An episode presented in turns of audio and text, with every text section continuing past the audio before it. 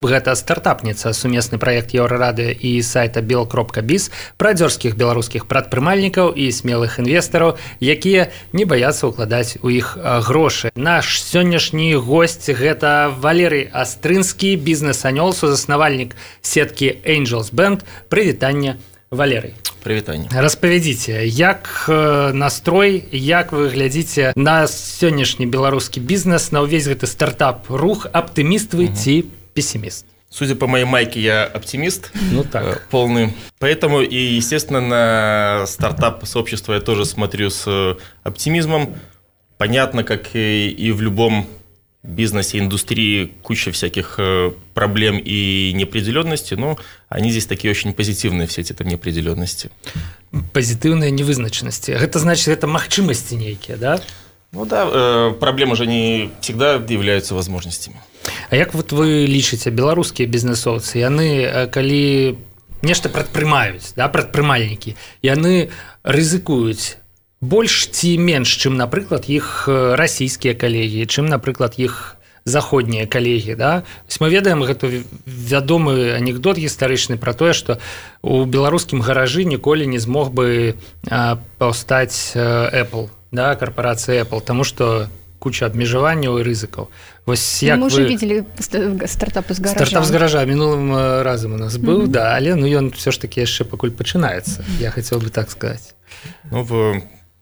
возможности конечно всегда всегда есть хотя ну все мы отдаем отчет э, в том что конечно э, работать в Беларуси немножко более рискованно ну, наверное на процент э, странового риска примерно вот, ну, э, возможность это или ограничение, с другой стороны, может быть, э, э, люди, которые остаются, которые в гаражах э, работают, они более сфокусированные, могут то, то же самое могут что-то сделать такое же, как и Билл Гейтс. Другое дело, что вырастить до такого размера, скорее всего, здесь не получится, и к этому надо относиться нормально. Беларусь все-таки там маленькая страна, и здесь нет там своего рынка IPO, так, таких, э, такого объема капитала и экспертов, э, чтобы появился прямо здесь там Apple. Но он здесь может родиться. Как вы думаете, няма ці пакуль няма?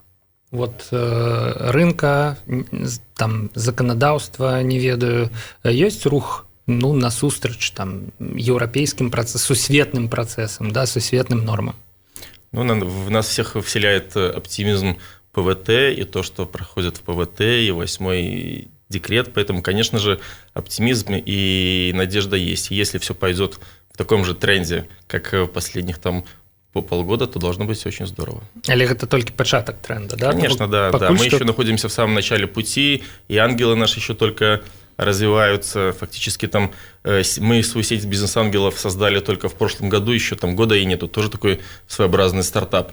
От, в Америке бізнес сети бізнес-анёлаў працуюць уже там 50 рокаў вот, поэтому мы здесь все находимся еще в начале пути. Але э, восьмы дэкрэт все ж таки змяніў я не ведаю гэта бізнес-клімат да лепшага на вашу думку? Однозначно.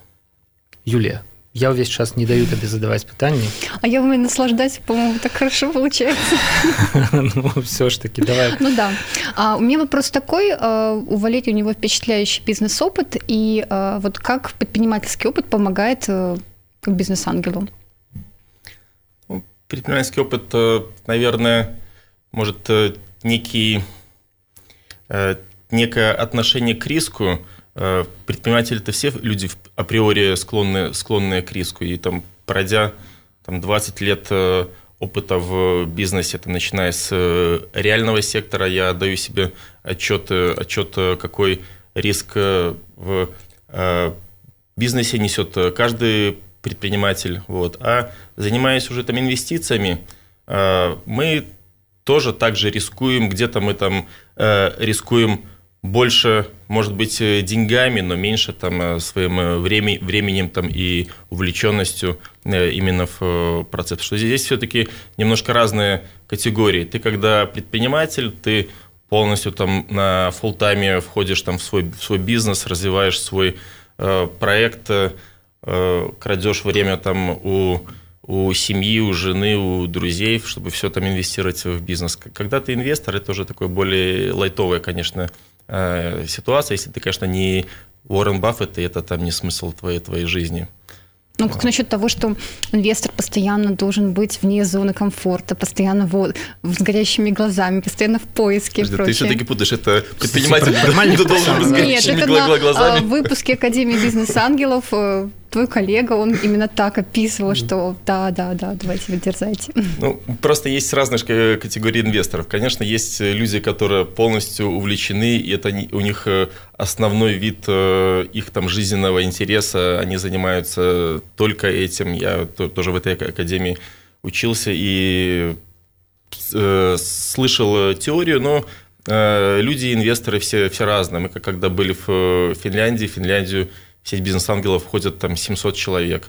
Вот. Из них э, активно инвестируют э, э, 20%, половина это людей, которые в принципе там ин- инвестируют, и это э, в основном это э, топ-менеджеры, которые где-то работают, и это как э, дополнительно у кого-то хобби, у кого-то Хобби. там э, какой-то там э, с- хобби с э, надеждой там на, на материальное, какое- конечно, Ты какое-то чем вознаграждение. занимаешься? Я хожу пиво попить и в бильярд поиграть. А ты чем? А я инвестую в стартапы. О, классный хобби. Слушайте, если это будет такой тренд, что люди, которые играют в казино, они будут инвестировать в стартапы, это же, согласитесь, будет здорово. В принципе, я думаю, что яны заробяць больш хутчэй за Не ўсё точно. але Ну, гэта не дакладна Э, Да, это не, не точно, но, по крайней мере, что точно, это в этом больше позитива. Ну, Причем- для экономики это явно лучше. Ну да, для экономики лучше. Так там просидеть всю ночь в казино, там, соответственно, утром э, пришел разбитый, расстроенный. Вот, ну, что так, так, э, даже если деньги потерял, то это, говорится, не... все ж таки нейкая конец карысць света. Ну да, можно, можно себе придумать какое-то оправдание, да, что вот сделал А вот у меня хорошее. такой вопрос еще. А как вот вообще ты общаешься с фаундерами? То есть что тебе важно в личности фаундера? А, например, я как-то читала интервью с Викторией Тигибко, да, это очень успешный инвестор украинский, и она а, сказала, что как-то отказала в инвестициях, когда встретила стартаперов в бизнес-классе. Мгм. То есть для нее это такой маяк о том, что, скорее всего, деньги они будут Мгм. тратить э, не очень осмысленно. Хотя это не Прабачце, точно. что такое стартаперы ў бізнес-класе Ну, Ну, то летел есть в самолете на- на- бизнес-класс. на- на А, машине ён дорогой, просто да-да. я зразумеў Ну, в бізнес-клас самолёте, самолет да. я уявіў себе вучэбную аўдыторыю просто думаю, что такое бізнес-клас наадварот відаць там бізнес Вот, то есть э, вообще как э, когда сразу тебе приходит человек, э, сколько вот э, ты с ним общаешься, сколько у вас итераций проходит и прочее, прежде чем ты решишь дать ему деньги? Ну, я думаю, думаю, что итерация пройдет явно там не меньше пяти. То есть некоторые мои там израильские коллеги, они там полтора года смотрят, смотрят за стартапом, с ним где-то встречаются, вечером пьют пиво. Там надо понять, что за, за, за человек, какие у него там жизненные ценности там и, и интересы. То есть, ну, у нас по, по нашим э, претендентам, ну, где-то, на, на- наверное, там раз пять, в принципе, на- на- наверное, на каких-то встречах я с человеком там пере- пересекаюсь, смотрю, что за человек, если у нас там по крайней мере, химия там одинаковая, мы смотрим там на какие-то вещи, и вижу ли я у него эти вот горящие глаза, что он будет э, э, гореть своим э, проектом и постоянно на full-time е именно вот им, э, э, им за- заниматься. То есть я, конечно, смотрю в первую очередь увлеченность, какие-то моменты, связанные с luxury жизнью, ну, мне кажется, у нас просто в Беларуси не сильно это, это распространено. Но среди стартаперов я такого там особо не наблюдал, что люди, которые ищут ин- и инвестиции, они там уже ездят там на Каенах. А я знаю примеры. А ёсць які-небудзь Значит, это, наверное, профессиональный стартапер. Мы, мы может быть, еще Профессийный пока стартапер. с непрофессиональными работаем. Есть які-небудзь триггер у чалавека у стартапера м, у чалавека які звяртаецца да вас да бізнес э, анёлаў э, м, па інвестыцыі і вот вы адразу разумееце што все конец М, не будем мы инвестовать в это А, то есть триггер именно негативный. негативный Ну, не, не- негативных, думаю, что много. То есть, если, э, если я увидел, что он э, соврал, то есть я вот тогда уже не, понимаю, не могу человеку, естественно, там э, э, доверять. Вот если я э, вижу, что какие-то там избыточные понты, о которых ты там э, говоришь, тоже там, э, соответственно, это негатив. Вот именно вот про ту, наверное, химию, о которой, о которой я говорю, она там состоит из многих таких э, э, триггеров, потому что так как там э, в, в статистике в нормально надо просмотреть там сотню проектов в один проинвестировать, то, естественно, в каждом проекте какой-то там триггер срабатывает. И это как раз найти свой проект, наверное, найти тот проект, в котором у тебя будет меньше какого-то там э, негатива в отношениях там с фаундером, ну и вообще там опасений. У меня вот вопрос такой возник, я вспомнила, а, вот ты, ну, ты сказала, что, в общем-то, израильские коллеги, у них может итерация продолжаться полтора года, вот нет ли здесь э, такой немножко опасной ситуации вот для стартапов? Mm-hmm. Им же полтора года нужно на что-то жить, да, и вот встречается он с другим фаундером, там, ну как дела, как ты поговорил, ну а уже полтора года меня маринуют и ничего не В дает. Израиле просто, там э, апельсины растут на древах, ты пошел. Ну, может быть, мы говорим про разных, на самом деле, инвесторов, да, я э, общался с, в Израиле, это с ребятами, которые управляют венчурными фондами, там, конечно, когда там ну. э, чеки там миллион плюс, да, там венчурный фонд смотрит э, под, побольше. Ангелы тоже бывают разные. Там ангелы, которые полмиллиона, и ангелы, которые 50 тысяч долларов э, могут э, про, про, проинвестировать. Ну, вот. ну и, соответственно, естественно, что когда стартап очень хороший, то его хотят все там к себе там зазвать и заинтересовать, кроме своих денег, своей там экспертизой. Ну, сколько сейчас вот в твоем личном пайплане стартапов? Ну, я, я пока проинвестировал в два стартапа там, за прошлый год. Я там не позиционирую себя как э, профессиональный инвестор, скорее как я как э, человек, который развивает такую эту экосистему. Мне просто нравится. Я считаю, что это важно там, для нашей страны, для, э, в принципе, для сообщества наличие устойчивой системы вот, ангельской инвестора. Согласитесь, то, что мы, вы, мы вывели людей из, так, так сказать, определенной тени, и они не побоялись назваться инвесторами. То есть это тоже, тоже говорится, первый, первый шаг. И тоже это надо каким-то образом э, не немножко там э, преодолеть и поменять там э, свое там отношение и ментальность. Потому что, ну, как, как бы у нас принцип открытости, что, в принципе, стартапы большинство хотят анонсировать свои инвестиции, потому что им надо, в основном надо, надо публичность там, дальше, чтобы инвесторов э, привлекать.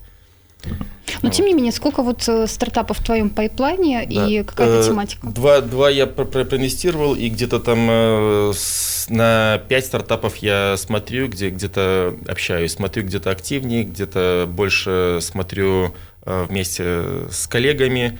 Вот, э, мне комфортнее участвовать в проекте, когда там, я не являюсь там лид-инвестором, а как, э, когда там э, лид-инвестор человек более опытный там, или в технологии, или именно, там, или именно в инвестировании в стартапы. Ну, как бы это моя Но решение позиция. инвестировать, это зависит от самого проекта или от того, с кем ты будешь инвестировать? А, Валерый, вось что вельмі цікавае прагучала на самом самом канцы нашай размовы гэта тое што ну, як для мяне да абсолютно новая інфармацыя. Інвестары бываюць як бы это сказать розныя і у іх вот розныя ролі. Вы кажаце что ёсць лід інвестор і можна як бы як бы так сказать за спінай у некага да вот а можете про гэта распавесці? Mm -hmm. вот э, як вы вот я так разумею вас 10 чалавек там недзе у angels band больше да? 70 уже. Около около отстал я от часу я не ведаю.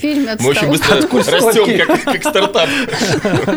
На ну все правильно да. у вас? Вось, якія крутой крутое пытанне Вось але давайте з экзітамі пасля вось якія там ёсць ролі якія тактыкі інвеставання да ну пра што можна сказаць можа нехта от хто нас зараз слухае ці паслухае ён думае я б таксама хацеў там у angels band але ў мяне там няма того нема того нема того там ну вот вообще решайте кто будет лид инвестором так как э, все все наши, наши инвесторы, э, это у них не основной вид деятельности, так скажем, у всех э, свои э, или, или бизнес-направления, или они там работают на топовых позициях в разных компаниях, банках.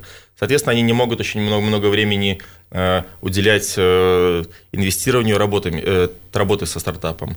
Вот.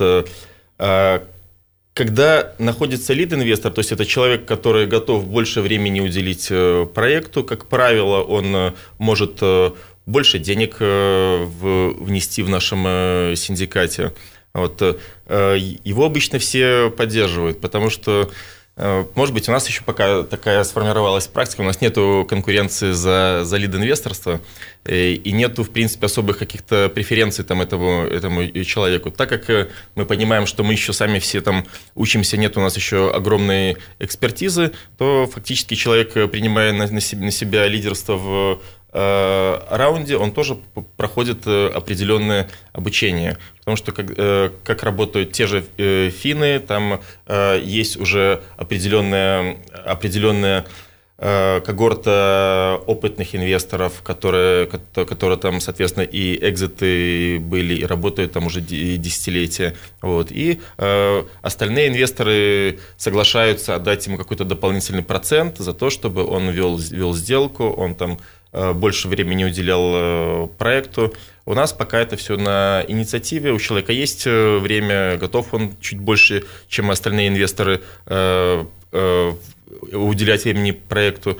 Все остальные инвесторы, гру- грубо говоря, договариваются, что доверяют этому товарищу, там, если надо, вы выписываем юридическую доверенность, и он уже, соответственно, дальше от нашего синдиката ведет все переговоры и дальше контролирует э, проект и ведет с ними работу. А что, извини, а что происходит потом? Вот вы проинвестировали, а вы прописываете э, что, допустим, раз в квартал вам стартап предоставляет отчетность, или что вот, а, как часто вы условно пушите фаундера, да, и все или вот только один человек, лид-инвестор контролирует постоянно? Как бы это тоже все индивидуально, индивидуально абсолютно все. У нас еще нету какой-то четкой инструкции, потому что проекты все, все, все разные, разные фаундеры и разные синдикаты у нас э, э, создаются. Ну, на тех претендентах, которые у нас уже были, как э, правило, раз в месяц, иногда там раз в два месяца по согласованной форме фаундер э, сбрасывает э, информацию, что он э, хотел бы сделать, э, к примеру, в ближайший период, и такой же там отчет, э, что сделано за прошлый период. И потом, соответственно, по каждому периоду мы просто сверяемся, что получается, что не получается, если не получается, почему. Угу. То есть, ну, это, это так как мы не, не берем не берем э, большую долю в проекте, в принципе, синдикат не берет, не берет больше 10% в стартапе, поэтому мы не имеем никакого там ни блокирующего пакета и не, не, не можем э, концептуально э, какое-то решение фаундеров заблокировать. Только консультационное решение – это уже там дело фаундера, прислушаться к нам там или нет. Mm-hmm. Ну, как, как правило, все ребята адекватные, они понимают, что их их э, энергии все-таки нуждается в каком-то там нашем угу. опыте, по крайней мере, там посоветовать. Угу. Вот вчера вечером я э, смотрела интервью с Аркадием Маренисом, очень интересный российский бизнес-ангел, и он э, сказал такую, он рассказал анекдот, оказывается, старинный, о том, что если ты зашел в комнату, говоришь с, фау, с фаундером, и в этой комнате есть кто-то еще, это значит, что ты зашел не в ту комнату. То есть он очень негативно относится вот к синдикатам, и для него синдикат это только если инвестиции какие-то до миллиона, то есть это очень такие большие чеки, да. Вот. А вы, в общем-то, у вас есть практика именно синдицированных сделок, и вот э, Расскажи, как, что, например, лично для тебя важно а, в личности инвестора. Угу. То есть ты с ним идешь в баню, ты с ним идешь на Килиманджаро, например. Угу. То есть это ведь все такое очень долгие, долгие отношения. Ну да, и как э, правило, синдикаты, если не образуются, то они образуются из людей, которые в принципе, там друг другу симпатичны. Им там интересно общаться вместе, встречаться. И инвестиция в проект – это как э, дополнительная точка общих интересов. Вот у нас появился общий проект, соответственно, мы чаще встречаемся, где-то там, соответственно, обсуждаем этот э, проект. Э, я не думаю, что э, гармонично может вы, выглядеть э, синдикат, где кто-то там из инвесторов там негативно друг к другу относится. Поэтому как бы здесь нету, не, в принципе, не может быть какой-то конкуренции, потому что все равно все находятся в одной лодке, или проект э, погорит, прогорит, или взлетит, все равно там у всех э, инвесторов одинаковые условия. Але складана ўявіць сабе каб 70 чалавек бізнесоўцаў Якія вот на адным рынку існуюць на беларускім былі все збліжаць наоборот? Ну я не ведаю але каб яны все былі ў добрых адносінах каб раней да стварэння гэтай сеткі бізнес-анёлаў ніхто нікому нідзе не перайшоў ніяк дарогу з гэтых 70 чалавек. Як вырашаюцца такія вот межасабовыя пытанні Конечно, там бизнес, э, рынок Беларуси, он не такой большой, чтобы люди там друг друга не знали. Обычно там через второй рук пожать все равно там любого там э, бизнесмена знаешь. И, естественно, и в нашей организации есть там э, такие прецеденты, что люди в прошлом имели какой-то друг с другом негативный опыт. Ну, в этой ситуации они просто не входят там друг с другом в синдикаты, в в общее. Это синдикат же не значит, что все 70 человек в него входят. В него входят там 5 человек. Эти 5 человек, э, им там интересно э, встречаться, ходить в баню, как ты, как ты говоришь. Ну, і мець какие-то свои ёсць нейкі парытэт да там мінулае там недзе засталося тут можна в прынцыпе паасобку і з тымі хто табе падабаецца менавіта ну, я считаю что все равно там мы не, не прописывали какой-то жесткой инструкции вот все все-таки э, должно как-то гармонично выкритилизоваться и и наши э, какие-то какой-то опыт будет э, мы будем как-то его потом оформлять и в может быть, и формализовать. Но на, на сегодняшний день, э, в принципе, отношения очень э, дружеские, потому что в этом э, виде инвестирования нету какой-то конкуренции. Когда тебе приходит проект, даже по, по мировой статистике только там 7% э, там, самых топовых инвесторов могут определить, смогли определить, что это проект был еди, единорог, и он там, у него был uh-huh. классный потенциал. Поэтому, когда тебе приходит, это абсолютно непонятно, там, надо в него инвестировать, там, классно, он не, не, не классный. И, и здесь, э, скорее всего, не работает фактор не конкуренции, а фактор каких-то людей, которые, э, да, говорят, я в него проинвестирую. И уже больше там за, за этим человеком собираются те, ну, кто там доверяет там, этому там инвестору инвестору, и в принципе ему там комфортно быть с ним в, в синдикаце вам не здаецца что ўсё что зараз адбываецца ну можа не ўсё але шмат чаго з angels band у межах гэтай сеткі гэта все ж таки нейкая ну трэніроўка пакуль я не ведаю. Так не скажу что гульня да але вось вы ўвесь час паўтараеце што няма нейкіх жорсткіх рэгуляцый да что вы можете юрыдычна замацаваць адносіны паміж інвестарамі нейкай распіскай а можете і не замацаваць напрыклад да вось ну все ж таки та размінка нейкая перад нечым сур'ёзным ці это ўжо вот сапраўдны бізнес да, может вообще это какая-то новая новая стадия такого позитивного бизнеса когда да, я не, не скрываю, что мы пока там не являемся такой супер опытной сетью. И на самом деле это для нас, для многих практикум такой что часть инвесторов к нам приходят из, из реального сектора, в принципе, так как и я э, пришел. Люди ничего не понимают в IT, но им интересно. Они, они видят, что этот рынок э, растет, в отличие от их э, стандартных рынков, где, где они работают и где они там извлекают свои, свои дивиденды. Они хотят в этом э, разобраться. Вот инвестирование в стартап – это довольно такой нормальный вариант, чтобы понять, э, твое, твое это, не, не, не, не твое, да, там э, проектов э, куча в разных э, сферах. С одной стороны, ты, у тебя есть возможность вообще там вы, выйти на, на, на такую некую орбиту и посмотреть, что же там происходит, какие проекты рождаются, что там тебе э, ближе. То есть я не исключаю, что какая-то часть там инвесторов, которые у нас э, здесь потусуются, так сказать, в э, наших ангелах, они потом решают, что нет, это там не, не мое. И у нас уже были ребята, которые уже выходили из сети, они говорят, нет, мы будем заниматься своим бизнесом. Вот э, все-таки я себя чувствую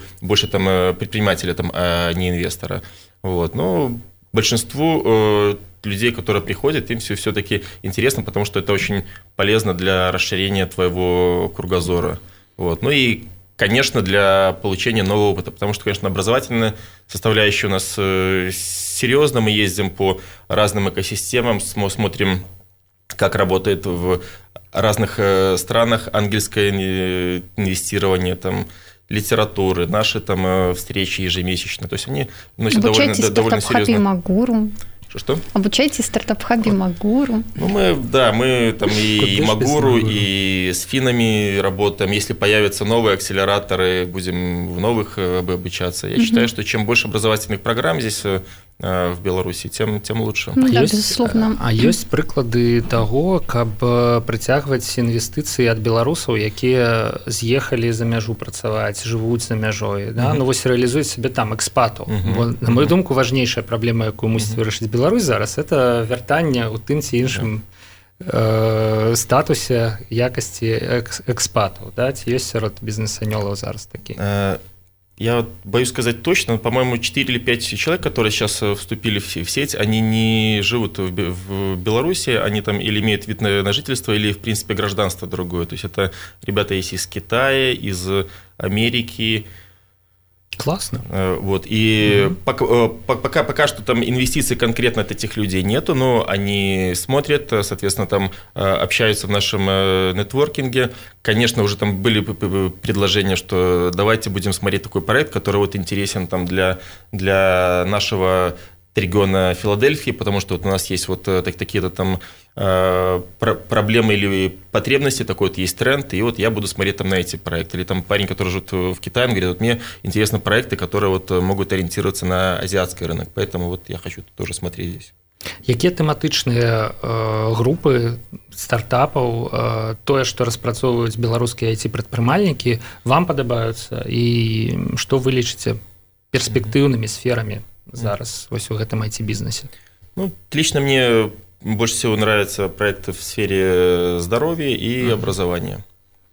То есть и, и также считаю что это это направление очень перспективное там онлайн образование э, э, все что связано с человеческим здоровьем с продолжением жизни. То есть это, это, это, это такие тренды там Э, до, до, до нас еще не дошли проекты, связанные с бессмертием, хотя в Америке они там набирают обороты, и тоже рынок очень, очень сильно растет. Мы на Еврорады запустили программу, которая называется «Першие 100 годов». Угу. Ну, таксама прысвечаная здароўю Юлія ты пагодзішся з гэтым Мне здаецца што тыя прадстаўнікі медычных стартапаў які прыходзілі да нас яны якраз таки выглядалі вельмі вельмі крэпенькімі такімі да А вот с эдукацией у нас никого не было.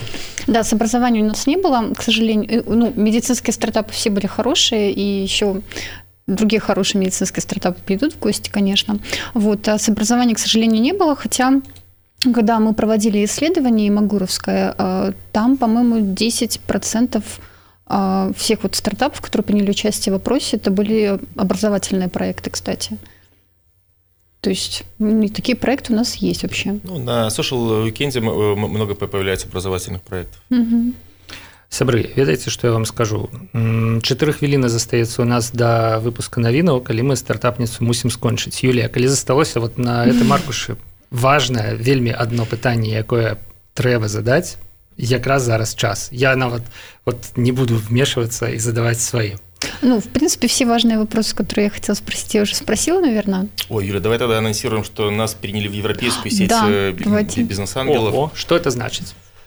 Это такая глобальная э, европейская движуха, э, в которую входят разные, разные сети из разных э, стран. То есть там просто такой безумный э, нетворк э, инвесторов, проектов. Не знаю, там в их э, базе может быть там миллион проектов, э, которые там э, рассматривать. И как бы в европейских странах, в Америке это э, такой такой тренд, они пытаются сделать э, инвестирование в стартапы, в принципе, как э, национальным таким хорошим хобби для людей, у которых возникает некий там излишек финансов, вместо, вместо того, чтобы нести все на, на депозит. Вот у них есть разные модели, можно там инвестировать по 500 долларов, по 1000 в там в каких-то э, в какие-то небольшие фонды, которые потом, соответственно, через разные онлайн-платформы инвестируют в э, проекты. И это, соответственно, дает очень огромный всплеск там и, и, и инвестициях для стартапов, ну, соответственно, и рост э, проектов там происходит качественно. Поэтому мы вошли в эту в глобальную сеть, что это нам дает. Значит, мы в первую очередь, конечно, обучение, там будем ездить по конференциям, участвовать в их вебинарах, образовательных программах. Ну и европейцы там признали, что да, что вот в, в Беларуси тоже появилась А в Беларусь могут пойти иностранные инвесторы благодаря вот ЕБАН? Могут ли иностранные инвесторы да. инвестировать в проекты белорусские? Да, конечно. Угу.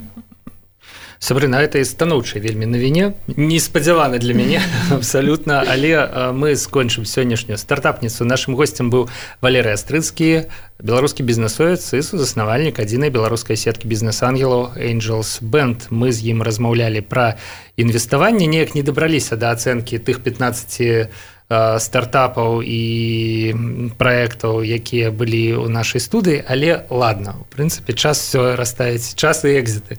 Да все расставіць на свае месцы. Дякую вам валерый. Да пабачэння.